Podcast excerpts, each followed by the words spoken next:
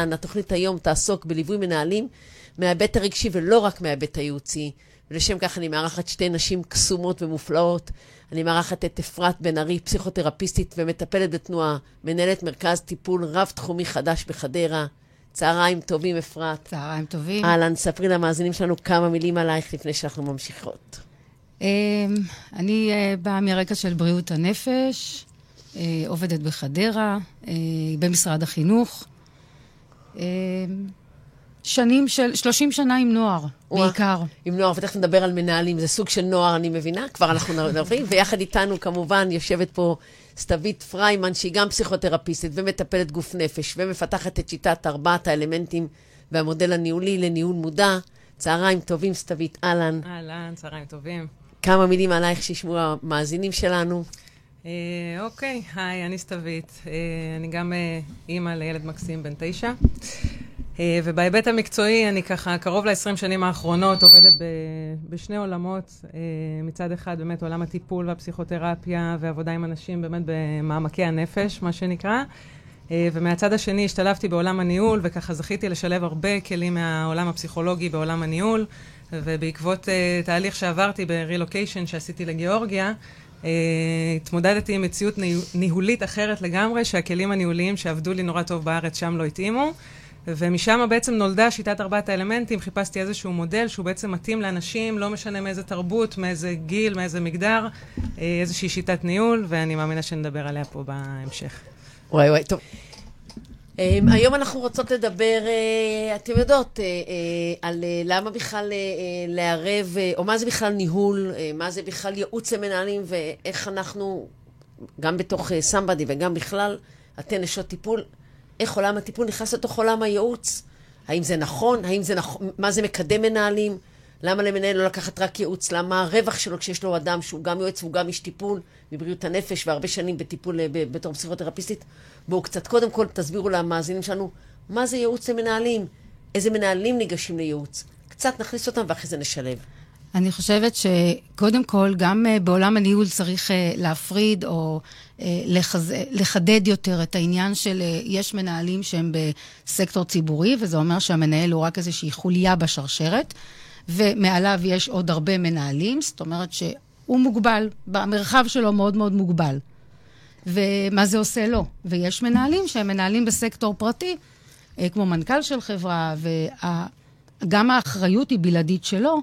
אבל uh, גם ההחלטה, בסופו של דבר, היא שלו, הדברים נעשים בדרך שלו, uh, ויש לו מרחב מאוד מאוד גדול, ועם זאת, הבעיות והקשיים הם אחרים. זאת אומרת, מאוד מאוד חשוב להבדיל בין הדברים, ולא איזשהו משהו כולל מנהל. איזה? להגדיר, ממש להגדיר, למקד, לדייק. זאת אומרת, העבודה הראשונה, את אומרת שאת מדברת בכלל על עבודה בעולם הניהול, זה קודם כל להגדיר מה זה, איזה סוג ניהול מדובר, על מה מדובר. לגמרי, לגמרי. כמה, כמה החלטות יש לך, באיזה מקום אתה עומד בהיררכיה וכולי וכולי, בכלל, לפני שאת נכנסת לאיזשהו עולם של ייעוץ או לטיפול. כי זה נותן המון נתונים. זה okay. אוקיי. נתונים שמאוד חשוב כדי להתחיל בכלל, בכלל מאיזושהי נקודה, להבין. לדעת מאיפה, אולי ת, תדברי ותייעצי, וזה בכלל לא קשור למה שהוא צריך. אוקיי. Okay. סתווית, ייעוץ למנהלים. מה, מה זה בעצם?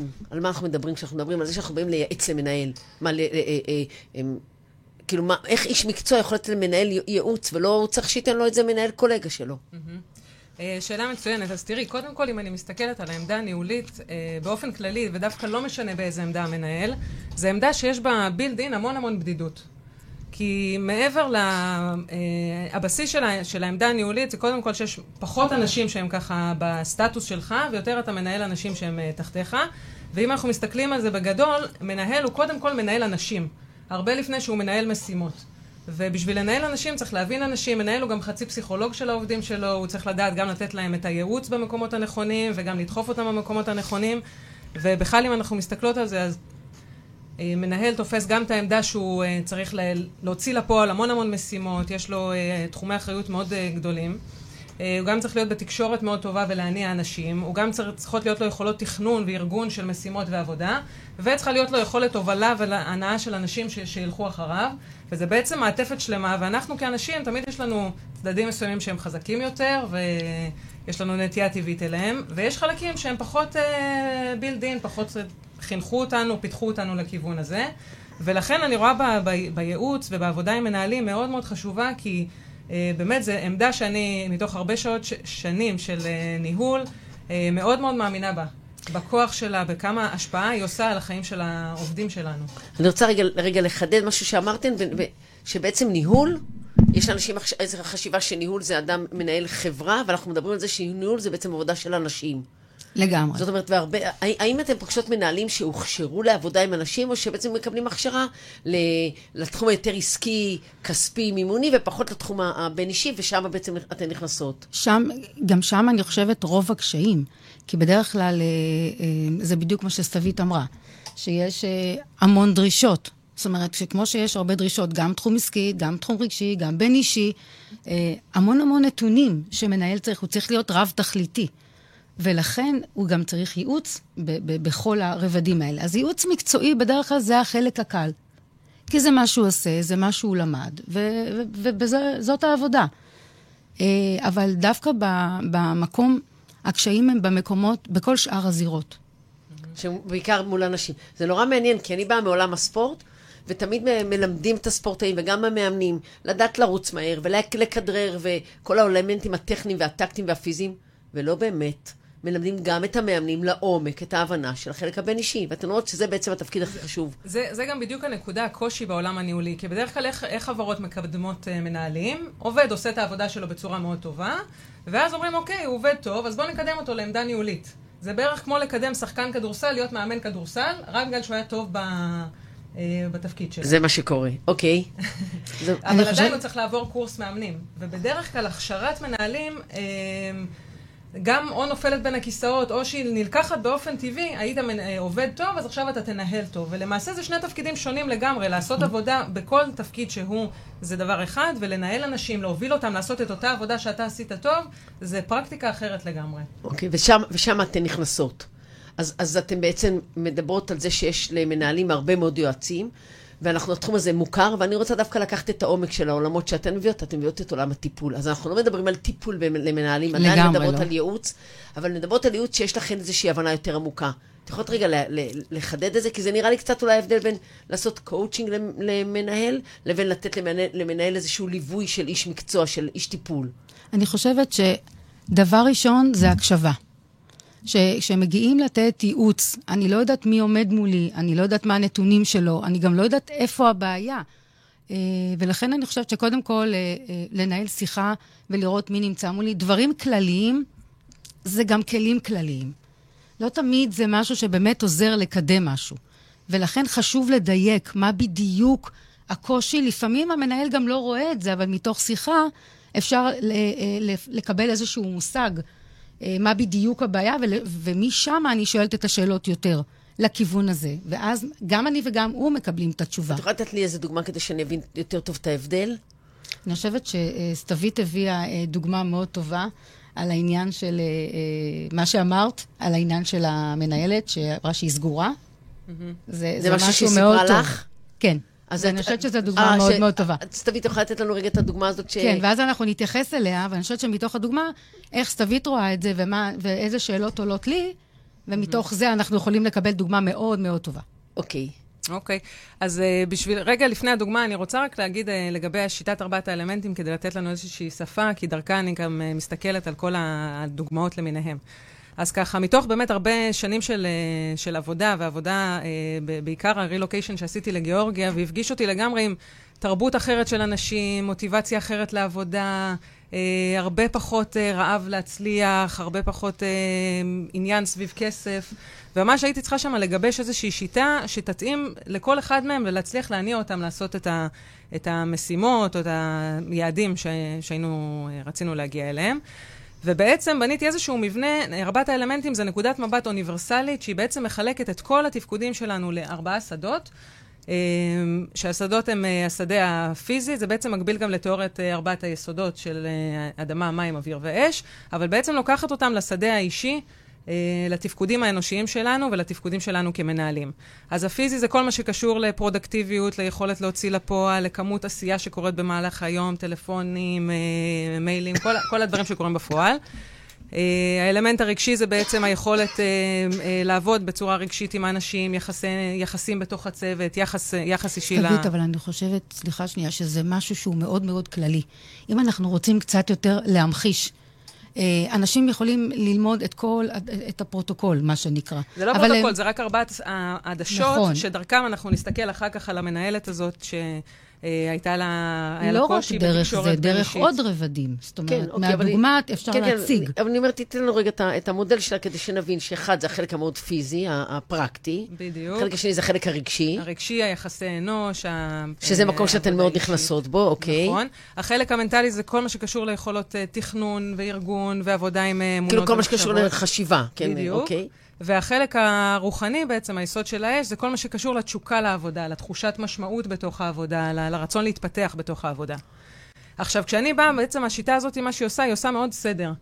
אנחנו לוקחים את כל התפקודים, לוקחים את הבן אדם שעומד מולי, ואני רואה איפה הקושי. אני ממש יכולה אה, לחלק את זה לפי ארבעת שדות ולראות מה החוזקות שלו, איפה, איפה הוא אה, ככה מצטיין, ומול הקושי מולו אני יודעת גם להתאים איזה אה, התערבות לעשות.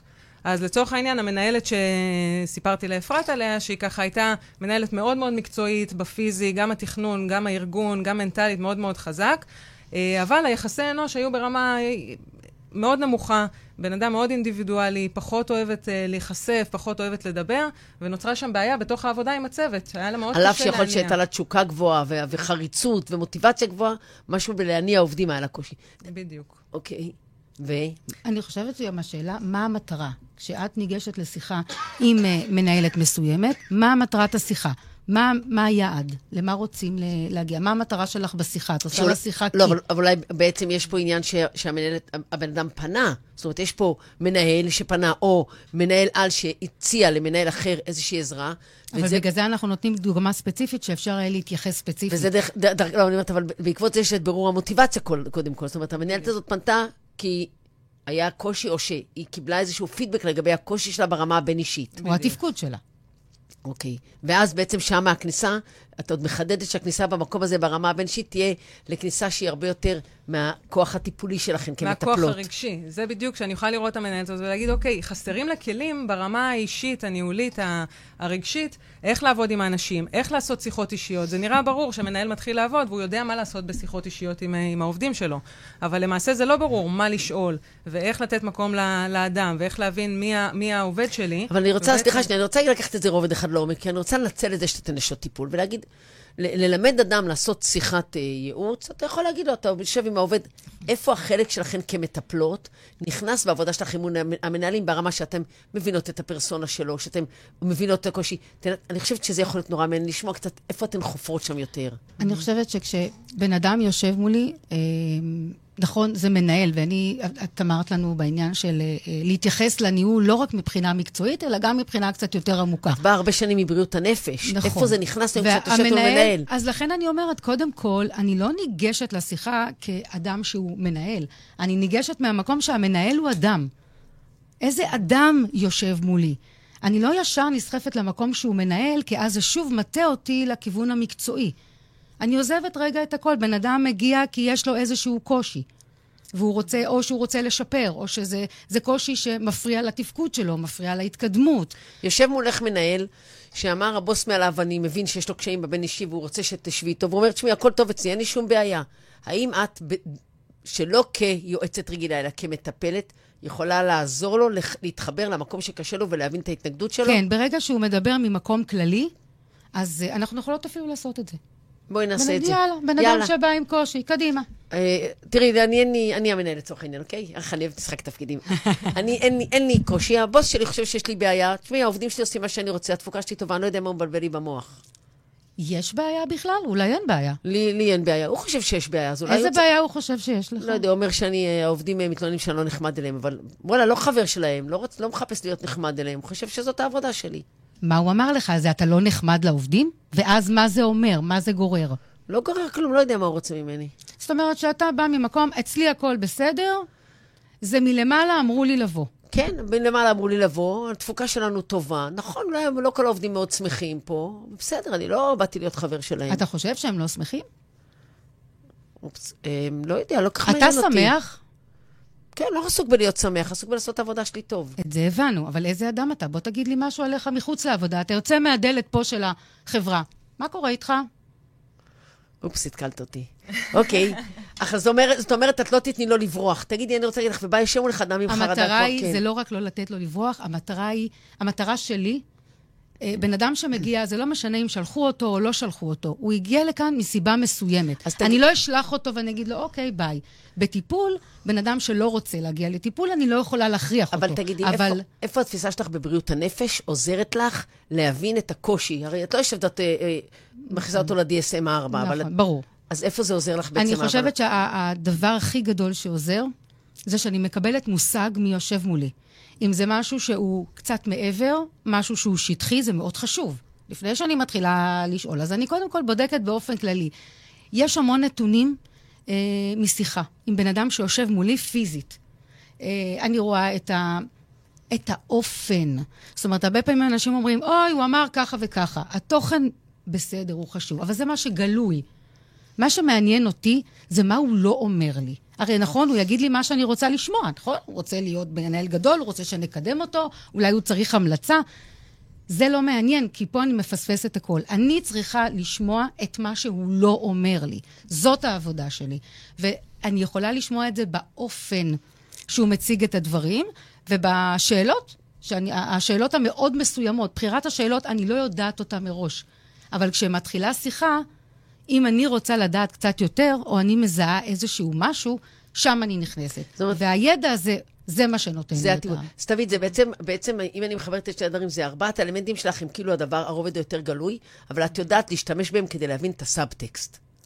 בדיוק. גם להבין קודם כל מי הבן אדם שעומד מולי. מה, מה המוטיבציה שלו בכלל לעבודה? את יודעת, נגיד המנהל שנתת עכשיו אה, דוגמה לגביו, מאוד, אותי היה מעניין להבין מה המוטיבציה, למה אתה כאן? אוקיי, לעשות את העבודה שלי, אבל מאיזה סיבה? מה, כי לכל אחד מאיתנו אנחנו עושים דברים כי יש לנו איזה שהם אה, שאיפות להתפתח. גם אם זה אחד רוצה להתפתח אה, מקצועית, ואחד רוצה להתפתח כלכלית, ואחד רוצה להתפתח בסטטוס, ואחד במערכות יחסים, אבל בסופו של יום כולנו רוצים להתפתח במשהו.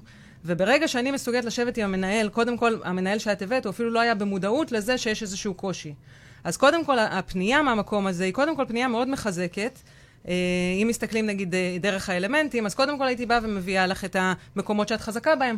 אני רואה שמבחינת פרודקטיביות יש לך אה, עבודה מצוינת, ויש לך תוצאות מצוינות, ואת מגיעה ליעדים. קודם כל לתת לבן אדם ולמנהל את ההרגשה שהוא מוערך ונראה. שזה בשפה, ש- השפה הטיפולית, אנחנו קוראים לזה joining. בעצם את עושה איתו, את קודם כל מתחברת אליו, נכון? חשוב לי לחדד את העניין הזה. את מתחברת אליו כדי להיות, לאפשר לקשר האחר, לא של היועץ, אלא של המטפל, בדיוק. לבוא למקום, לרובד הקצת יותר רגשי איתו. בדיוק, גם להתחבר אליו וגם להעצים אותו, כי הרבה פעמים אנחנו, את יודעת, גם מאוד מאוימים. כשבאים לתת לנו פידבק או ביקורת, ישר אנחנו נסגרים. אז בגישה שלי זה קודם כל לבוא ולהדגיש לבן אדם את האיכויות שלו, בין אם הוא המנהל ובין אם המנהל עושה את זה עם העובד. ואז כשיש איזושהי קרקע בטוחה וטובה, שיש נראות ליכולות שלך ולמה את עושה טוב, אז אני יכולה להגיד, אוקיי, בואי נראה, מה המוטיבציה שלך פה? ויכול להיות שהמקום הזה של יחסי אנוש זה המקום ה- ה- היחיד מכל התפקודים שלך שהוא לא מספיק חזק, ואם רק נחזק אותו, את תהפכי מהמנהלת המצוינת שאת עכשיו למנהלת על, שגם יש לה השפעה ממש רחבת היקף על, על האנשים שאת עובדת איתם, ולא רק על העבודה. אז יהיה נכון להגיד שהתחום הטיפול, שהשילוב של תחום הטיפול ותחום הייעוץ הוא בעצם לדבר על הרובד הרגשי, הלא מודע, הבין-אישי, היותר כן, עמוק. אבל זה משהו מאוד כללי, מיכל. אז תחדדי אנחנו לי. מדברים על משהו יותר מדויק. כל המושגים האלה של הקשבה והכלה, ו- זה דברים שהם מאוד מאוד כלליים, וזה מאוד יפה על הנייר. כשמגיעים לשטח, באמת אני לא יודעת, אה, נכון, שלחזק ולתת את הביטחון, וזה מאוד מאוד חשוב. עם זאת, בן אדם שמגיע ואומר לי, אני הטופ של הטופ. זאת אומרת, אין לי מושג על מה מדברים איתי. אני לא יודעת אם הייתי, אה, ואני הייתי שואלת. זאת אומרת, אם אתה כל כך טוב, בוא תגיד לי במה. אני לא הייתי אומרת לו. אני לא הייתי עושה בשבילו את העבודה. אתה חושב שאתה מאוד טוב, המנהל שלך חושב שאתה צריך לבוא, בוא תגיד לי. בוא תגיד לי. במה אתה טוב? ואז הוא יתחיל לדבר. אולי הוא לא יודע לדבר את החוזקות שלו, אלא הוא אומר, טוב, כדי באיזשהו מקום להעצים את עצמו, אני לא יודעת מאיזה סיבה. אבל משהו שם כבר נשמע לא רגוע. כי לא- בן אדם שהוא טוב, הוא לא צריך להגיד, אני כל כך טוב, הוא טוב. מה, שאני שומעת נורא חזק שאת אומרת זה שהמקום שלך כאשת ייעוץ הוא מאוד סקרני. את מאוד לא יודעת. נכון. וזה- וזה חשוב לבוא מהמקום הזה, כי כשאת מגיעה יודעת, באיזשהו מקום את מפספסת את כל הפואנטה, כי לא הוא יגיד לך. אם את יודעת והכל ברור, יופי, אתה נהדר ואתה טוב, נפלא, ביי. למה צריך את השיחה? לא, אני לא אתסכל אותו, אבל אני כן אבקש ממנו לפרט לי בדיוק כדי שהוא ידייק לעצמו במה הוא טוב. זה צריך להיות על השולחן. הוא ישים את זה על השולחן. אל תהיי בטוחה שהוא ישים את זה. ואז... פתאום, פתאום הוא יכול לכפור במקום. ושם זה נותן לך כאשת טיפול כלים להבין את המקומות, ש... את המקומות שהוא מרגיש בהם באי לגמרי. השאלות שלי גם יהיו בהתאם. אני לא אשאל אותו את ה-obvious. הדברים הברורים נמצאים, לא צריך, גם אני לא אשאל. אני כן אתן לו להיות עם החוזקות שלו ולדבר אותם. האופן שהוא ידבר אותם, אם בכלל, אה, שם. אנחנו ניכנס למקום שקצת מתחיל להיות סדקים.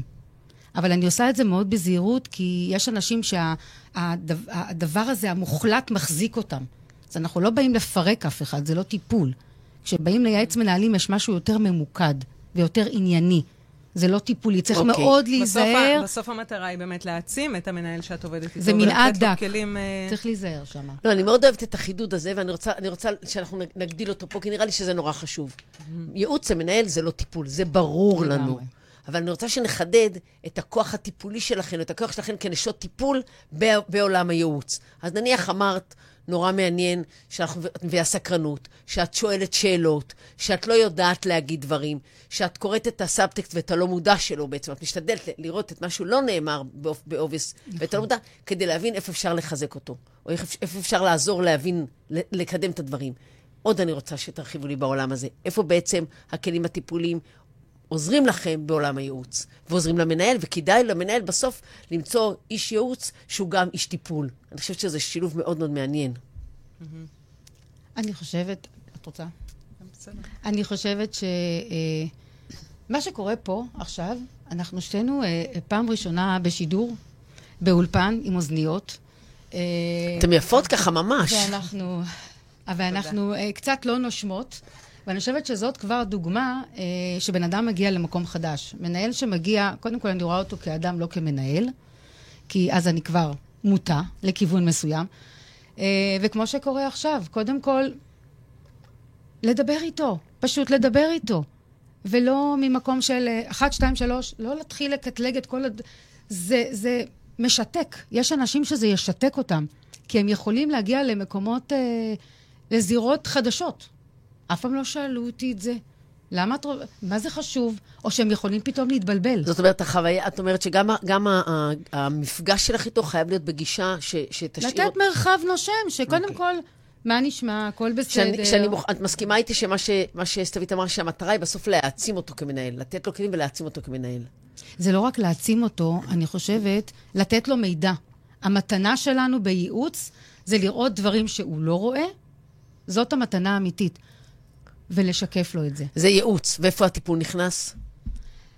זה תמיד ביחד. למעשה, מה, ש... מה שעושים פה זה לא... טיפול זה טיפול. ייעוץ זה תמיד חייב אני... לשלב גם אלמנטים פסיכולוגיים, כי אז זה משהו נורא שטחי.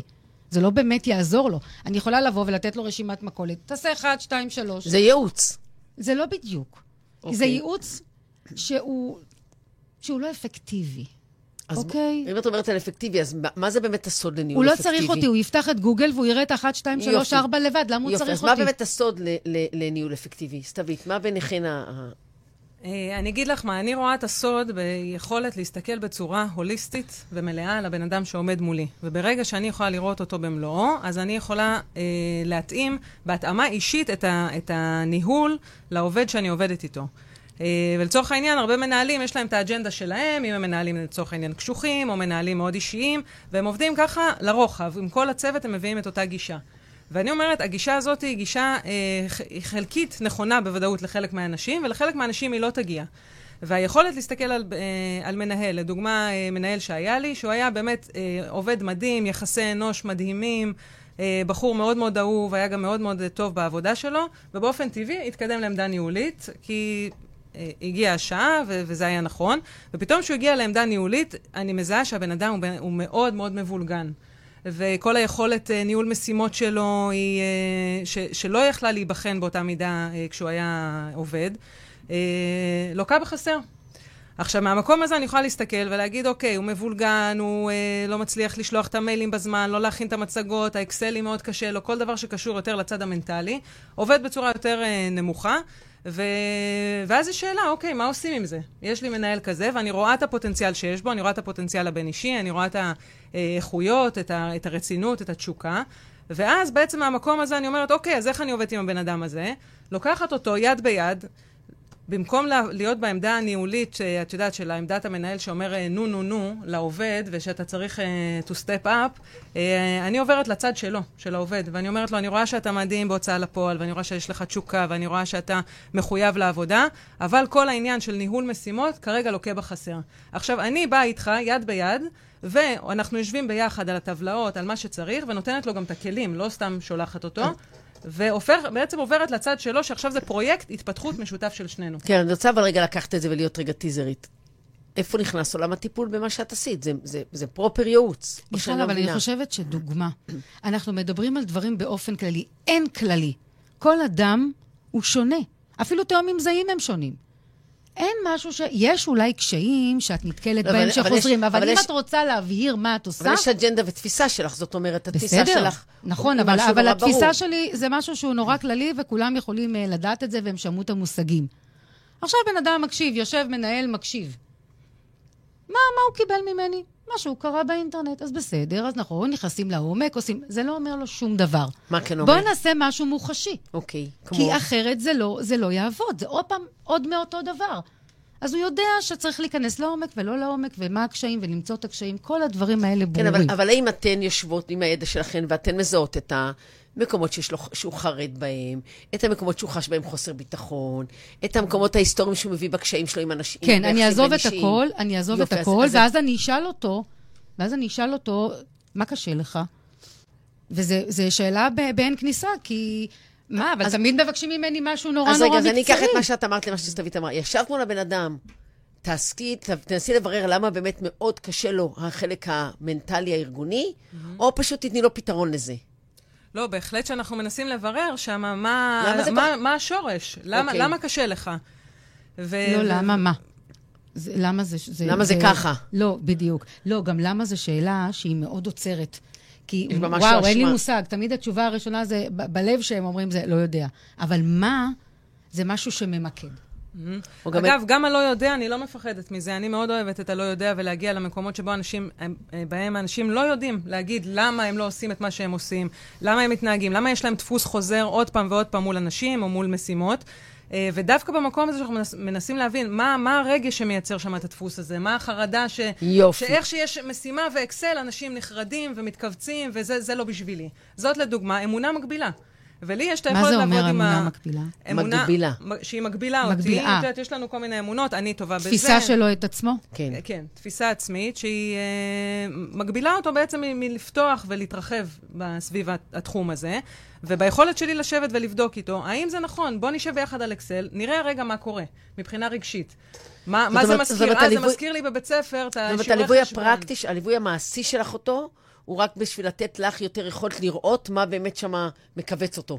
מה מונע ממנו להצליח לעשות את זה. זה לא באמת, כי את יכולה לפתור לו את האקסל, הרי את יודעת, הרבה פעמים, אני מכירה את זה שפעם הגיעה אליי בחורה שהיא... אה, אה, כאילו, כל מה שרציתי באמת זה פשוט להזמין אותה לארוחת ערב ולפתור לה את המצוקה הזאת, והבנתי שללא קשר, אני לא, אני לא באמת אעזור לה. אני, אני אפתור לה את הרגע, אבל אני צריכה לתת לה כלים לפתור את הדברים וכולי. אתם מכירות את זה מעולם הטיפול. אני חושבת שזה לא בדיוק הכלים כמו אה, ללוות אותה. ללוות זה אומר לגלות יחד איתה מה באמת הבעיה, כי אני לא יודעת. אני יחד איתה, אני שואלת אותה שאלות, אני לא קובעת עובדות. ואם, וברגע שאנחנו עולים על זה או מדייקים את זה, הדבר הבא זה מה יעזור לך, או מי יעזור לך. אני רוצה רגע לשאול אתכם שאלה. אה, מנהל חרדתי, אני פוגשת את זה הרבה, שהוא מאוד מאוד בסטרס, שאפתן, מאוד, אבל עובד עם המון המון חרדה. מה עושים עם זה? איך אתן עוזרות? איך את רואה את החרדה? אה, גם בשפת גוף, וגם הוא, הוא, גם הוא מאוד אה, אינטנסיבי, והוא מאוד אה, לחוץ כל הזמן. הוא מאוד לוקח כל דבר ללב, הוא גם מדווח על זה, אני נורא בעומס, אני בלחץ, לוקח כל דבר ללב, עד, עד בריאות. אבל אני פוגשת את זה הרבה מאוד במנהלים, שבעלי תשוקה גבוהה, כי מסתכלת על ארבעת האלמנטים שלך, אני מאוד אוהבת את הרעיון, מאוד קל להבין את זה. מתפקדים טוב, אוהב- אהובים מבחינה בין-אישית, אה, אה, מאוד מעלי תשוקה, מאוד בעלי מחויבות, עובדים באמת סביב השעון, מוותרים על חופשות, מוותרים על הכל, מאוד מאוד מסורים, אבל מלווה אותם קו של חרדה, שאני הרגשתי שהם צריכים טיפול לחרדה כדי להיות מנהלים טובים יותר. חרדה זה משהו מאוד כללי. אולי זה הפרפ... הפרפקציוניזם, זאת אומרת, השאלה, מה המקור? המקור זה חרדה. חרדה זה משהו נורא כללי, זה כמו שאני אגיד, אני באוקיינוס האטלנטי. איפה? זאת אומרת, צריך למקד את המקום המדויק, אחרת גם הוא ילך לאיבוד. אני יכולה יותר להזיק לו מאשר לעזור לו. מה זה חרדה? אנשים מגיעים לפעמים, אני שומעת המון, אה, גם בטיפול וגם אנשי, אנשים בעמדות במיוחד אה, מאוד גבוהות, כי זה מאוד מלחיץ. יש לי חרדה. איזה יופי, ברגע שהוא יודע שיש לו חרדה, הוא רגוע. כי אמרו לו מה יש לו, נכון? זה כמו אלה שמגיעים לרופא, ויש להם המון המון אה, סימפטומים, ולא יודעים מה. איך שהרופא אומר, יש לכם הבחנה, הם נרגעים, לא חשוב מה.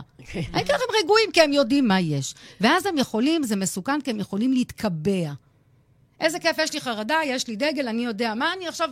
בסדר, כל דבר אני אגיד, זה החרדה. אז צריך לעצור רגע ו- ולמקד אותו, ולהגיד לו, ולבדוק מה. אז זה לשאול שאלות, אני לא יודעת מה אני אשאל. כשבן אדם יישב מולי, אני יודעת מה אני... אשאל. לא יודעת מה יעלה. כשאני באה לא יודעת ופנויה, אם אני אהיה פנויה, אני אשמע. אני רוצה להגיד. גם משהו בעניין הזה. אה, שוב, מהכיוון של האלמנטים, איך שאני רואה את המערכת הזאת, שכולנו יש את ארבעתם. ובעצם אנחנו מתפקדים גם בארבעתם כל הזמן, והם שואפים לאיזון.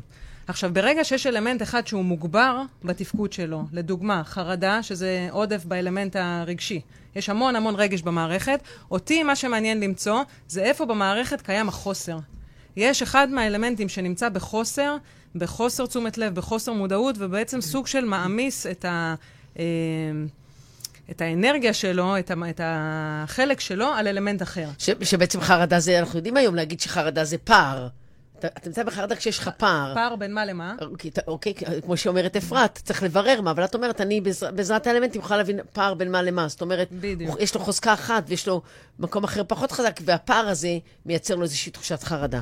בדיוק. החרדה, נגיד, כמו שאפרת אמרה, פרפקציוניזם, כל מיני אמונות שיכולות להיות. יכול להיות שהרגשי מאוד מאוד גבוה, כי דווקא כי המנטלי נמוך, כי יש כל מיני אמונות שהן מגבילות, שאומרות, אני חייב להיות מקום ראשון בכל החברה, ברוחבי, בשביל להרגיש טוב עם עצמי, וזה מה שמכניס אותו לחרדה.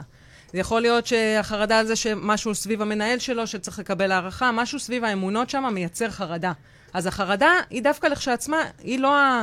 אה, מה שאני צריכה לפתור ולהוריד, אלא דווקא לחפש את החלק שהוא לא נראה לעין, והוא זה שמעניין אותנו, להזין שם במשאבים, כדי שהחרדה מעצמה כבר תתאזן. זה, זה מדהים לראות איך שתי נשות טיפול וניהול וייעוץ באות, ואיך איך כל דבר, באמת הפרסונה שלכן השונה, הסגנון ה, היותר אה, ענייני וקונקרטי שלך ויותר, אה, אה, רוח, לא יודעת, אה, רגשי שלך, איך, זה, זה, זה מרתק לשבת פה מהצד. אני רוצה רגע, רגע, אה, לקחת את זה, אין לנו הרבה זמן, לא יודעת אם אתם שמות לב או לא, יש לנו... אה, פחות מרבע שעה, ואני רוצה להצליח רגע לדבר, הבטחתי לכם שזה ירוץ מהר. אני רוצה רגע לדבר ולהגיד, אה, מנהלים מנהלים אנשים. האם אתן יכולות משהו להגיד על איך מנהל יכול לעזור לעובדים, אם, אם, איך אתן כנשות אה, אה, ייעוץ וטיפול עוזרות למנהל להצליח לייצר עובדים שבעי רצון, שמחים, מסופקים בתהליך הניהול? מה אתם תעשו שם כדי להקל עליו? עוד פעם, אז כמו שאמרתי, אני מסתכלת על המנהל כאדם. הוא נמצא בעמדה, הוא צריך להיות רב-תכליתי, נכון? Mm-hmm. כמו שאמרת. אה, מה שהעבודה שלו דורשת ממנו המון המון קריטריונים והמון המון תחומים, ו- ולכן גם הוא עצמו נדרש להיות כל כך הרבה דברים. עכשיו, לא כולנו מולטי. ולכן אני קודם כל אשאל אותו, אה, גם לא רק את השאלות הרגילות של המקצוע. יש משהו נורא מלחיץ באיך תנהל עובדים, ומה תעשה, ואיך הם יהיו שמחים. לא רוצה, מה זה, מה, מה זה אכפת לי? אני עכשיו לחוץ. ולכן, מה שאני שואלת זה דווקא אותו. אני רוצה לשאול, אה, אני רוצה לדעת, מבח... שהוא ידע על עצמו, מה זה מרוצה? אתה מרוצה? מה זה לדאוג לעובדים מרוצים? מה, מה זה להיות מרוצים? אתה מרוצה? ממה אתה מרוצה? אתה, טוב לך בעבודה? אתה בא בבוקר עם מוטיבציה, עם רצון, אתה חושב על זה? זאת אומרת, מה שאני מרוצה, או מה שאתה כמנהל מרוצה, לא אומר שהעובדים שלך יהיו מרוצים. אז את תלמדי אותו את הכלי של לזהות מה זה, מה זה להיות מרוצה שלו, ולדעת לזהות את הכלי הזה אצל, אצל העובדים שלו. מה, כי אצל כל עובד... קודם כל, שיזהה את זה אצל עצמו, כי כשהוא יזהה אצל עצמו, שיכיר מה היכולות שלו. יש אנשים שחושבים שהם טובים, כי הם מאוד מאוד טובים בעבודה מבחינה מקצועית. אבל כשאתה מנהל, אתה מנהל צוות, אתה מנהל סקטור שלם, וזה מורכב מהמון המון דברים. מה זה עובד מרוצה? זה גם מושג מאוד מאוד נחמד. אז הוא לא יכול שכולם יהיו מרוצים, בסדר? אנחנו לא כאלה מושלמים. אבל, אבל את בעצם יכולה לתת לו את, ה, את הכלים כדי להיות מסוגל לזהות מה, מה גורם לעובד שלו להיות שבע רצון ומה לא, ואיך לדאוג להם שיהיו יותר שבעי רצון? למשל, אני חושבת מידע מאוד חשוב למנהל, אני יכולה לעשות את זה עליו, אה, זה שאם עובד מגיע, אוקיי? לא משנה, יש בעיה או אין בעיה, או רוצה לקדם אותו דווקא מהכיוון השני, מגיע מנהל, יוש... מגיע עובד, יושב מולו. אה, מה הוא שואל אותו? הוא יכול לשאול אותו, ואז המנהל יכול להגיד, אה, נגיד הוא הרים איזה פרויקט מאוד מאוד רציני, ומקצועית הוא מאוד מאוד טוב, ואז הוא אומר, כן, הפרויקט היה נהדר, אה, כולם היו מרוצים, זה היה מאוד מאוד רווחי למפעל, הגענו להישגים מאוד מאוד מרשימים. הוא יכול להציג את זה ככה, והוא יכול להציג את זה, וואו, עבדנו כל כך קשה, כל הצוות כל כך התגייס, והם היו שם, והם נתנו שעות, והם התלהבו, ו- ומתוך זה הגענו למקום כל כך גבוה, וואו, אני מרגיש כל כך טוב. האופן. זה האופן. על זה זה קם ונופל. התוכן יהיה אותו דבר. את, האופן שבן אדם מדבר, את יכולה ללמוד כמה תשוקה, כמה מוטיבציה, כמה רצון, כמה התלהבות. ככה הוא מתנהל עם העובדים שלו. אז יכול להיות עובד מאוד טוב, הוא יגיד לו, תשמע, אתה נהדר. את מדברת פה על דבר נהדר, אני אגיד במשפט, תרחיבי. את מדברת פה על תהליך מקביל. נכון. את יכולה קצת להסביר את המושג הזה? אני חושבת שזה כלי עבודה מדהים למנהלים. אני חושבת שמה שהוא מקבל בתהליך המקביל זה את החוויה. אנחנו יכולים לדבר עד מחר על כל נושא, זה לא משנה. לבן אדם אין את החוויה, הוא לא יבין על מה אני מדברת. Mm-hmm.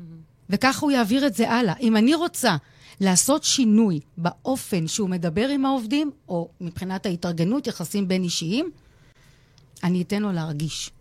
אני, אני אעביר אותו את החוויה הזאת. זאת אומרת, התהליך המקביל הוא שמה שהוא קורא לו מולך, את תאפשרי לו ללמוד את החוויה הזאת לעשות מול אנשים. נכון. אוקיי. סתווית. אה, אני רוצה להוסיף על הנקודה הזאת, שבעצם את אומרת, מה, מה אנחנו צריכים לעשות בשביל לייצר עובדים מרוצים? כן. מעולה. אז בשביל לייצר עובדים מרוצים, אני חושבת שאנחנו צריכות להסתכל מה הופך אנשים לאנשים מרוצים. ופה דווקא אם נשלב מה, מהפסיכולוגיה את אה, סולם הצרכים של מאסלו, אז אנחנו רואים שבשלבים הראשונים זה באמת צרכים בסיסיים וצרכים של ביטחון, שזה בעצם משהו שהחברה עצמה מספקת. היא נותנת לבן אדם משכורת והיא נותנת לו אה, גבולות ומסגרת, אז הצרכים הראשונים אה, מלאים. אבל בצרכים הגבוהים יותר, שזה הצורך בשייכות שיש לנו, והצורך בהערכה וכבוד, והצורך בהתפתחות, אלה כלים שאנחנו כמנהלים... ובהגשמה, החמישי ו... זה הגשמה. הגשמה, כן, ההתפתחות והמימוש העצמי בעצם.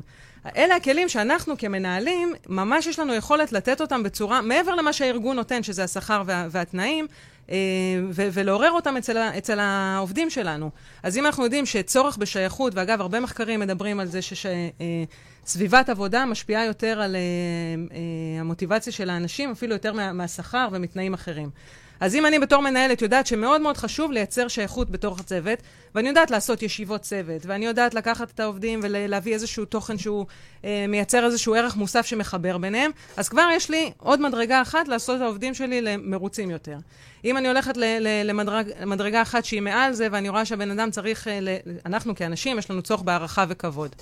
אז, אה, ואנחנו יכולים לעבוד עם איזשהו מש, משוב, שקודם כל עובדים עם עקרונות נכונים של משוב, שקודם כל נותנים לבן אדם את ההכרה למקומות שהוא טוב בהם וחזק בהם. קודם כל הוא מרגיש מוערך. וזה מדהים, זה כבר הופך אותו להרבה יותר אה, מרוצה מעצמו ומסביבת העבודה.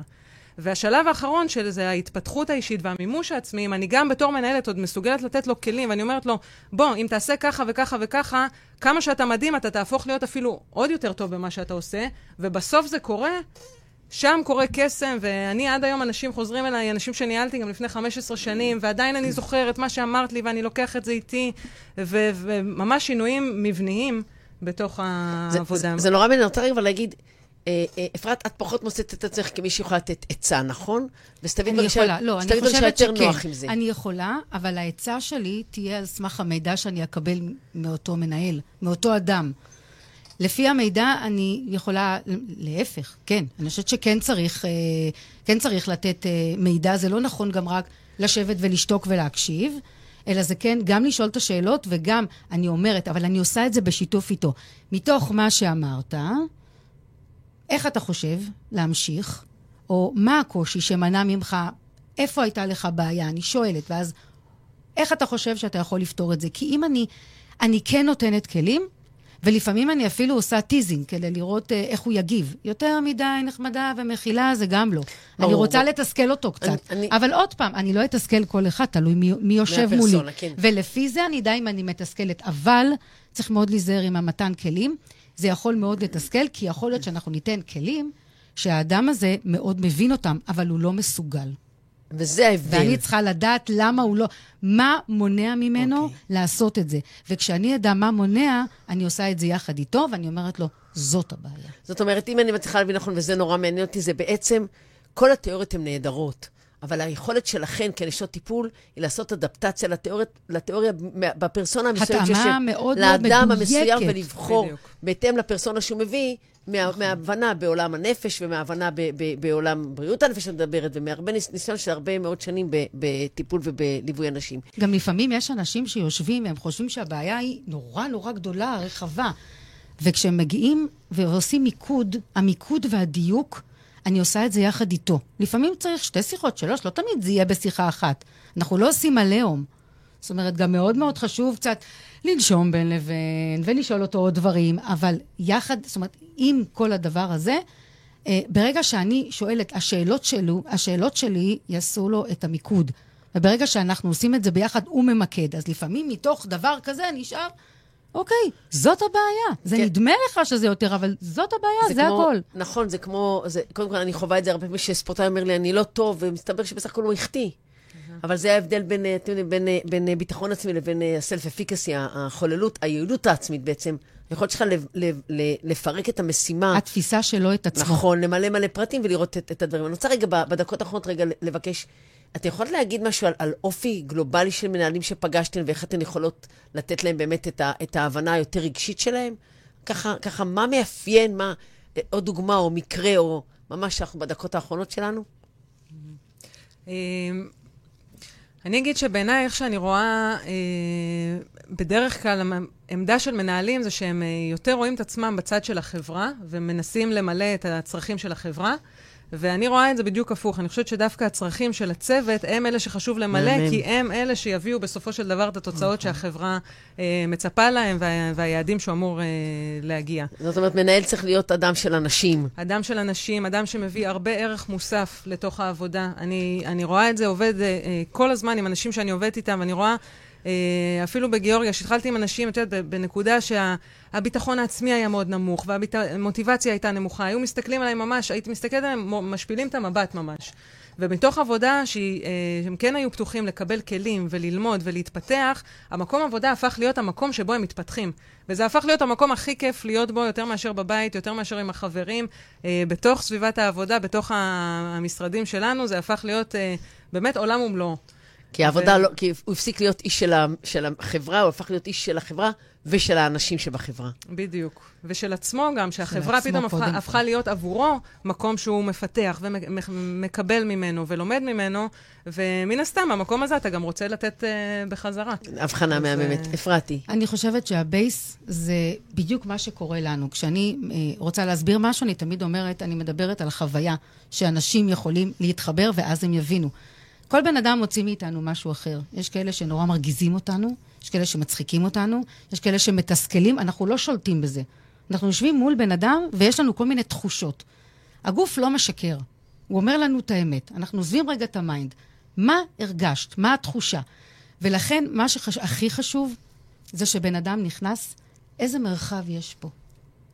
זה מרחב שלא מדובר במילים. מה התחושה שלך? האם אני, תחושה שאני שופטת אותך? האם תחושה שאני מאיימת עלייך? האם תחושה שאני, תגידי איזה מידע וזה יפגע בך? אה, זה, זה, אלה הדברים. כי ברגע שהמרחב יהיה כזה, זה, זה א', ב', ליצור קשר עם הבן אדם שיושב מולי. זאת לא אומרת- משנה באיזה רמה, אבל ליצור קשר. אז בתהליך המקביל את אומרת שאת בחדר תשבי מול המנהל ותייצרי סיטואציה שבה ללא קשר לפרסונה של המנהל, תיווצר אווירה של, של צמיחה בחדר או של נוחות, של קבלה, ובעצם... שתאפשר לו להביא את הדברים שאולי גם הוא שומע פעם ראשונה. לא, אבל מה, ש... מה שאני רוצה לקחת זה עוד צעד, זה בעצם לאפשר לו לדעת לעשות את זה מול כל אחד מהעובדים. כי כן, בסוף, שתהיה לו חוויה. כי בסוף, אה, אה, מה שאומרת סתווית זה שבסוף, מנהל טוב הוא מי שיודע להניע עובדים, לנהל עובדים, ולא רק לשרת את צורכי החברה. למשל, אם, אם מנהל יישב ויגיד, אני, אני, אני, אני, אני, אני, והצורך שלו להראות לי כמה הוא טוב, הוא כל כך גדול וקריטי, אה, אני, אני מבינה מה קורה פה במרחב. ואז אני אומרת, אתה רוצה להרשים אותי? אתה צריך את להרשים... שמה את זה בחדר אתה ב- רוצה ב- להרשים אותי? אתה רוצה להרשים את עצמך? אתה מרגיש מספיק בטוח? כי בן אדם שבטוח בעצמו מקצועית, לא צריך אז להציג, הוא לא צריך לצעוק. כן, לא צריך כל כך הרבה, הוא יגיד בצניעות מה הוא עושה, ו, ואז ייווצר. ואני יכולה לשאול אותו, אם אני לא יודעת, אני פשוט שואלת. ואם קשה לו להגיד, אני אגיד לו, קשה לך לענות על זה? אוקיי. ותשאלי ותשקפי את העניין. אנחנו צריכות אה, לסיים. אני, אני אשמח אה, אה, נורא לאיזה, לאיזה טיפ, שניים ככה, שנוכל לתת למנהלים, שנוכל לתת אה, לאנשים שמתלבטים, של מנהל שרוצה לקחת ייעוץ, אה, מנהל, להבין למה הכוח הגדול של איש טיפול, שהוא גם בתחום הניהול, מה הכוח הגדול של איש טיפול לתת בעצם אה, אז ייעוץ. אני חשוב לי להגיד שהדרכת מנהלים היא משהו מאוד מאוד uh, חשוב ושעושה הבדל עצום.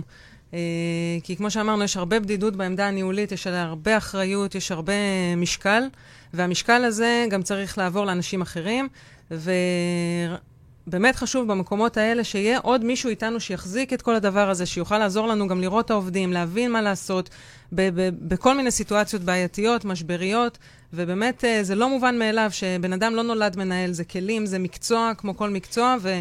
ויש חשיבות עצומה בעיניי אה, ב- בלקחת ליווי, בלקחת איזשהו... אה, הרבה לפני תמיכה. המשבר. עוד הרבה לפני המשבר, בשביל כלים, בשביל לדעת איך להעצים אחרים, זה תורה בפני עצמה, באמת, מנהל הוא, הוא חצי פסיכולוג של העובדים שלו, והוא צריך כלים לזה. אה, ובאמת, אני מאוד שמחה, את יודעת, ככה, להפיץ את השיטה וללמד, כי היא באמת עושה סדר, עושה משהו מאוד מאוד פשוט סביב העמדה הזאת שנקראת מנהל, ולוקחת את הכוח שלה באמת למקום חיובי, שמשפיע בצורה התפתחותית על האנשים שהוא עובד איתם. אני קצת אסכם מהכיוון השני. אה, נכון שהרמוניה ו- ותחושה טובה זה נהדר. אה, עם זאת, אה, להיות אמיתית, וקרו מקרים שאנשים הגיעו למצב ש... וואלה, אני בכלל לא רוצה לנהל. נדרש ממני הדבר הזה. אני לא רוצה, זה לא עושה לי טוב, והם קמו ועזבו. הריחוק מהשטח, הם אוהבים, בסופו של דבר, הם רוצים את האנשים בשטח. זה, כמו שסתווית אומרת, זה, הם לבד, גודל האחריות, המון... הם למעשה מדברים עם עצמם, הכל עם עצמם. אם הם באים לסוג של ייעוץ, מה אתה צריך? אז הוא יגיד, למשל, כלים. מה אתה צריך? אתה הולך הביתה, אתה יושב לפעמים עם עצמך ושואל שאלות? טוב לך? מה טוב לך? מה אתה אוהב? ממה אתה נהנה? זה הדברים שהוא לא חייב לענות לי. אבל אני חושבת שחשוב לשתול שאלות שימשיכו להדהד גם כשהוא יוצא מהחדר, כל השבוע, כשהוא יבוא לשיחה הבאה, הוא כבר יהיה יותר מוכן.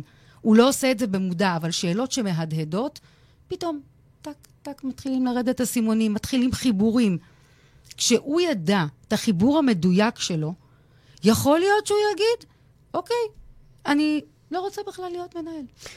די אופטימי ככה לה- להגיד בסוף אה, שיחה. לא, זה לא בסוף, אני חושבת שזה אמיתי. לא, לא, לא לפחד לא, לא. להגיד את זה. די אופטימי להגיד, חבר'ה, זה בחירה, בסוף החיים הם זאת בחירה. בחירה, כן.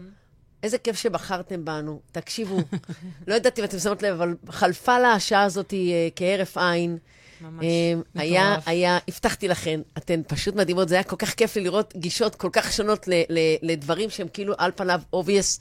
ואני רוצה להגיד שכיף לנו בסמבדי, שיש לנו אנשים מאוד אקלקטיים, מאוד מגוונים, ו- ועכשיו כשאנחנו בתוך סמבדי התחלנו להיכנס לתוך חברות, אז אני כל כך אה, אה, רואה איך אנחנו נוכל אה, ליהנות מה... מה יכולות, וזה כל כך מעניין, כי התפיסות הן כל כך שונות. כאילו, בא לי לשים מנהל עם אה, כמה אנשים שונים ולראות לאן כל אחד יכול לקחת אותו. מעניין. קבוצת ניסוי זה מה וקבוצת שיפה, ביקורת. לא יודעים. אפרת וסתווית, אתן קסומות, אני מודה תודה. לכן מקרב לב. תודה תודה רבה. רבה על השיחה המאוד מאוד מרתקת. זהו, בלי לשים לב, הסתיימה לו עוד תוכנית. בואנה, ואנחנו בחג, ואו-טו-טו נגמרים החגים, לא יאמן. אני מקווה מאוד שנהניתם. אתם מוזמנים לעקוב אחרי סמבדי בפייסבוק ובאינסטגרם. הורידו את האפליקציה של הרדיו החברתי הראשון לנייד שלכם, שם תוכלו להאזין לנו 24 שעות ולקבל עדכונים. מוזמנים לעשות לייק לדף הפייסבוק של הרדיו החברתי הראשון. אני מיכל ירון, אני אהיה כאן ביום רביעי בעוד שבועיים, בשישי לאוקטובר. בואנה, השנה הזאת נגמרת. בשעה אחת. תודה שהאזנתם, וחג שמח. חג שמח.